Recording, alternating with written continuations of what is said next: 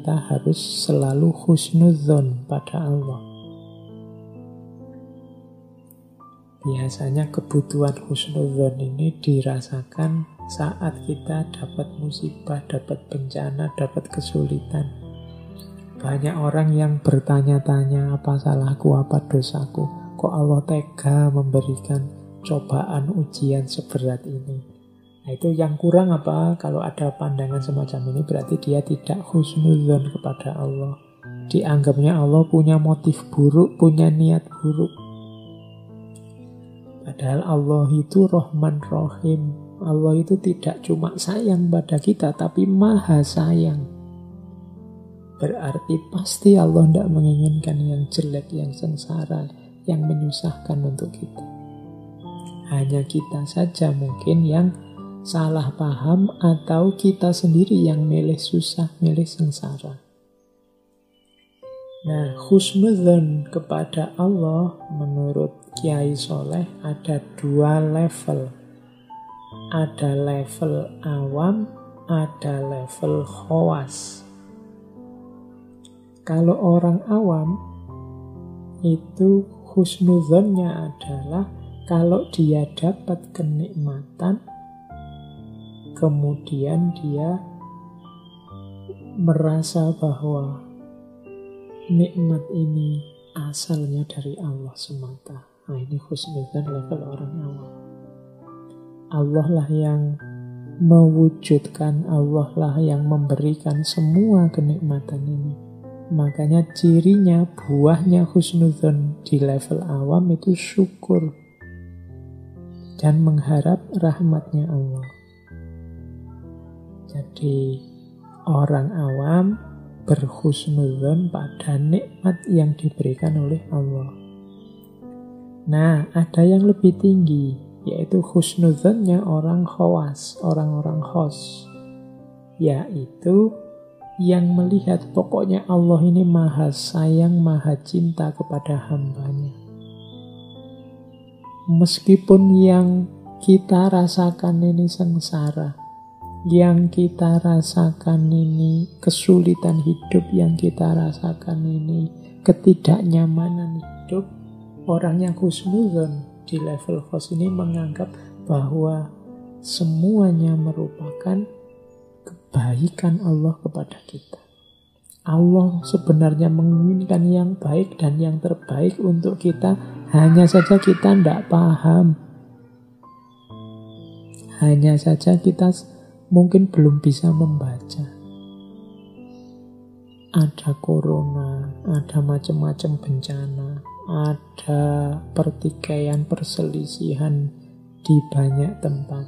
Tapi orang-orang yang khusnudzan pada Allah, ini pasti skenario Allah untuk tujuan yang baik. Untuk hasil yang baik. Hanya saja kita manusianya belum paham. Insya Allah nanti buahnya baik. Nah, kalau yang level 2 ini orang khos. Kalau orang awam biasanya lebih mudah khusnudzan pada yang wujudnya nikmat-nikmat. Tapi kalau orang khos, apa pun wujudnya, apakah itu nikmat, apakah itu dirasakan menyusahkan, semuanya dianggap buahnya kasih sayang Allah yang pasti hasilnya nanti kebaikan. Kalau tadi yang orang awam melahirkan syukur nikmat, kalau yang husnudzannya orang khos melahirkan rasa cinta, rasa percaya, rasa tawakal kepada Allah. Orang yang husnudzan itu enak, tidak mudah mengeluh, tidak mudah susah. Ada orang maki-maki dia kalau dibaca husnudzan, itu di oh orang ini ternyata perhatian padaku. Ternyata dia juga sayang padaku. Makanya dia sebut kesalahan-kesalahanku sehingga semoga besok aku bisa memperbaiki. Ini perspektif husnuzon. Kalau orang perspektifnya suudzon, bahkan orang ngomong baik sekalipun dicurigai. Wah, jangan-jangan orang ini muji-muji aku, tapi nanti di belakangku menjelek-jelekan aku atau membuat aku terlena sehingga nanti dia bisa ngalahkan aku atau sebenarnya dia iri sebenarnya cuma itu basa-basi saja Ini orang yang perspektif su'udzon. Biasanya lebih tidak tenang, lebih stres. Apalagi kalau su'udzon pada Allah, su'udzon pada manusia aja membuat kita galau luar biasa. Kalau kita su'udzon pada Allah, lebih galau lagi. Karena tidak mungkin kita bisa mengalahkan Allah. Maka Kiai Soleh memberi saran, jalan sufi kita dihiasi dengan keikhlasan, dihiasi dengan khusnudzan kepada Allah. Sambil tetap menjalankan riyadoh dan warok. Oke, nah ini ada beberapa tips dari Sarah Al-Hikam. Bagaimana kalau kita mengalami kesulitan tadi loh Pak? Saya sih pinginnya husnuzon, tapi kok hidup ini rasanya berat. Doa saya itu loh, kalau tidak dikabul-kabulkan sih oleh Allah. Nah, nanti dalam syarah hikam ini Kiai Soleh mengajarkan begini. Ketika engkau meminta satu perkara dunia, lalu Allah tidak mengabulkannya, hatimu menjadi susah. Itu disebabkan karena engkau tidak memahami kehendaknya Allah. Jika engkau paham, engkau akan bahagia. Tenangkan dirimu saat permintaanmu tidak dikabulkan saat permintaanmu tidak dikabulkan, pahamilah bahwa sesungguhnya Allah menghendaki agar engkau mendekatkan diri kepada Allah terus dan selalu menyandarkan hatimu kepada Allah. Jika sudah begitu, engkau akan menjadi kekasih Allah. Karena sesungguhnya ketika Allah mengasihi atau mencintai hambanya, niscaya Allah akan menghalangi dunia darinya dan menjauhkannya dari dunia. Jadi menurut Kiai Soleh, kalau kita punya keinginan macam-macam, sudah berdoa mati-matian kepada Allah, kok tidak dikabul-kabulkan ya? Apa Allah tidak suka padaku? Apa Allah tidak berkenan dengan doaku? Kiai Soleh justru bacalah itu sebagai kasih sayangnya Allah kepadamu justru. Jangan-jangan kalau itu dikabulkan, engkau tidak berdoa lagi. Engkau tidak mendekat-dekat lagi kepadanya. Padahal Allah ingin engkau selalu dekat dengannya. Jadi justru ketika Allah lama tidak mengabulkan doamu, kemungkinan Allah memang sangat mencintaimu, ingin engkau menjadi kekasihnya, ingin engkau menyapanya terus, ingin engkau mendekat padanya terus. Dan Allah tahu kalau dunia bisa menghalangimu darinya, kalau dunia bisa menjauhkanmu darinya, maka permintaan-permintaanmu yang perkara dunia itu tidak segera dikabulkan oleh Allah karena Allah sangat sayang padamu. Nah ini cara membaca kalau doa tidak dikabulkan, doa kita yang duniawi tidak dikabulkan oleh Allah menurut Kiai Soleh. Jadi Allah itu sangat cinta pada kita maka Allah ingin kita dekat terus dengannya. Maka bersyukurlah kalau teman-teman merasa saya pak sudah minta ini itu yang duniawi.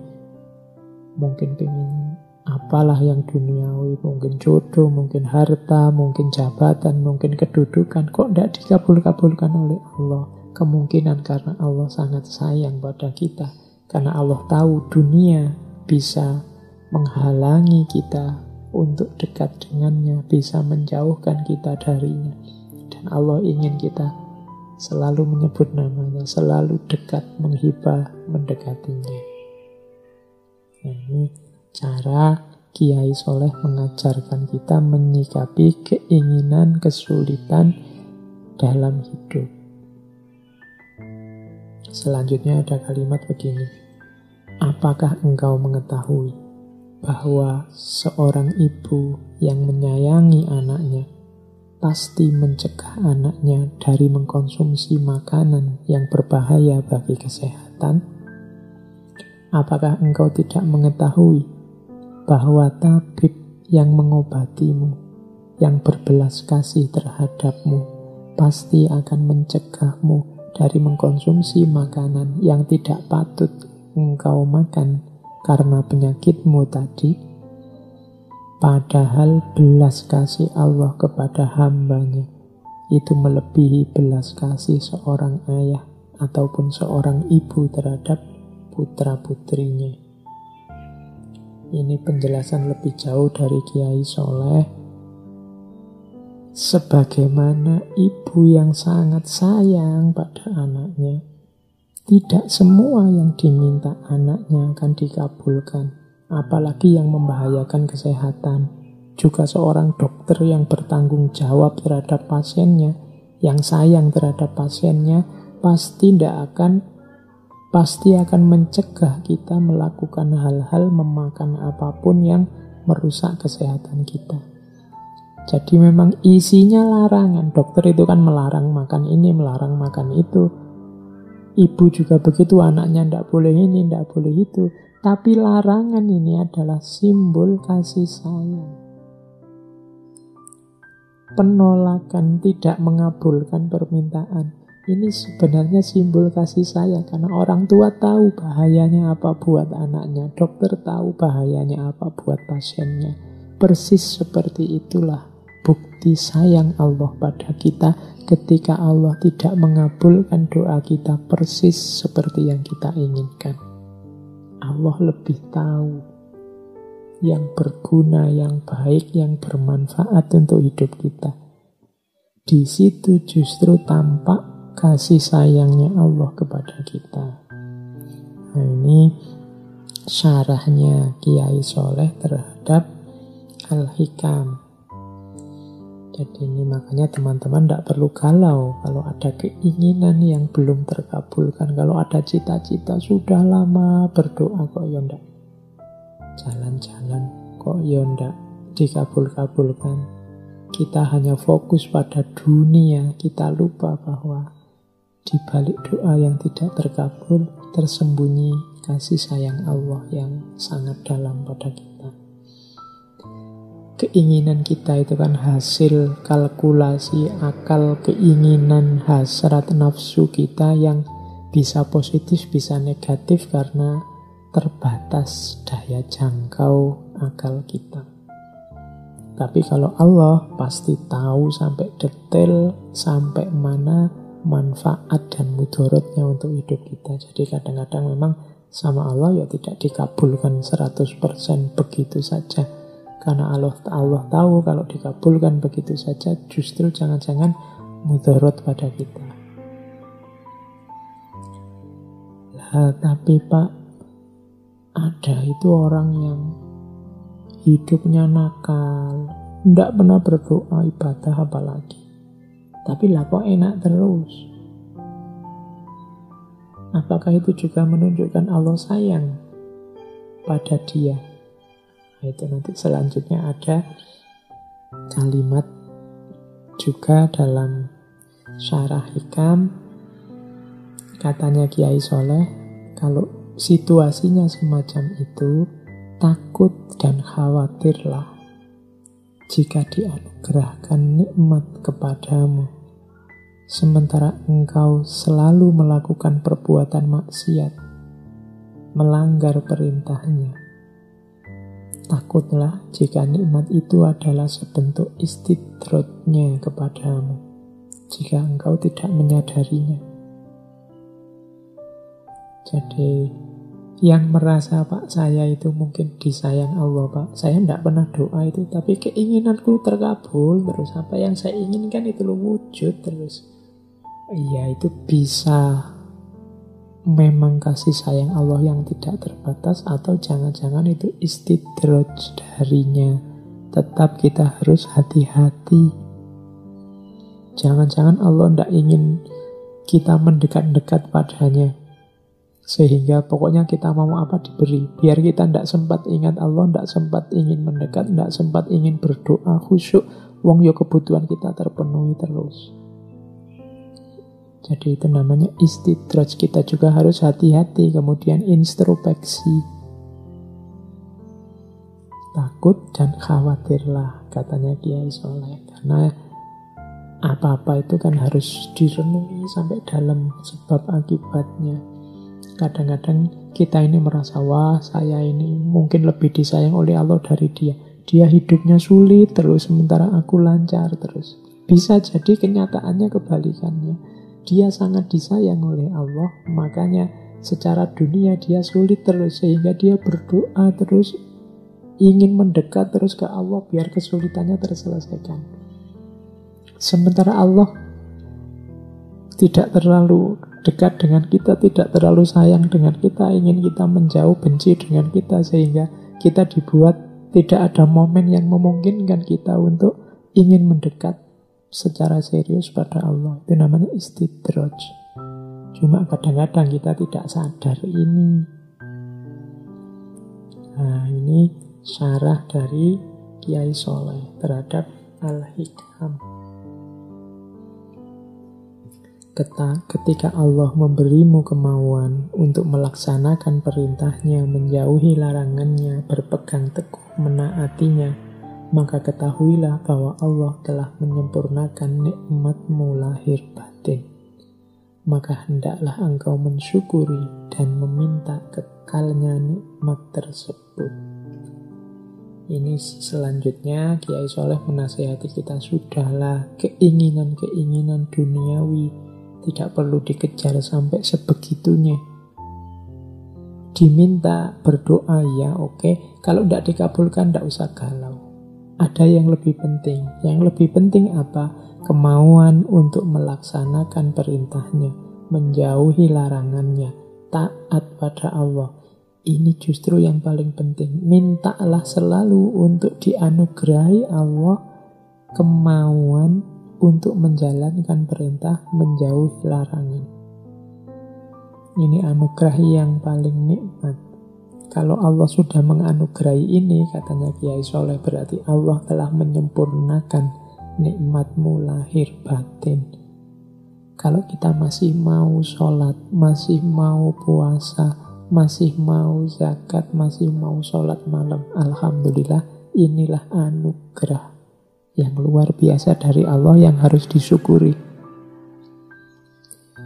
Tapi kalau permintaan-permintaan lain, doa-doa yang lain yang sifatnya duniawi tidak harus terlalu dirisaukan. Jadi ini keinginannya Kiai Soleh agar kita lebih serius mendekat kepada Allah, tidak lagi tertipu oleh hal-hal kenikmatan-kenikmatan duniawi yang sementara tidak lagi galau oleh kenikmatan-kenikmatan duniawi yang justru menjauhkan kita dari Allah, menjauhkan kita dari kedekatan kepada Allah. Nah, diurut dari depan tadi kan diawali dari jangan lupa menjalankan syariat, kemudian jalankan syariat dari aspek lahir dan juga batin, kemudian Jangan mengandalkan amal, semuanya pasrahkan kepada Allah. Meskipun tetap jangan lupa juga untuk tetap berusaha, tetap beramal. Kemudian lakukan riadoh dan warok. Latihan-latihan spiritual lewat riadoh secara aktif dan menggembleng diri biar tangguh secara spiritual lewat warok yang diperkuat dengan ikhlas serta husnuzon kepada Allah. Dan jangan minta hal-hal, jangan terlalu terobsesi oleh dunia karena kadang-kadang Allah menganugerahi suatu perkara yang kita inginkan justru membuat kita semakin jauh darinya. Dibandingkan kalau tidak segera dikabulkan, kita semakin serius, kita semakin ingin dekat dengannya. Kadang-kadang tidak terkabulnya doa menjadi isyarat bahwa Allah sangat sayang pada kita, ingin selalu dekat dan mendengarkan keluh kesah kita.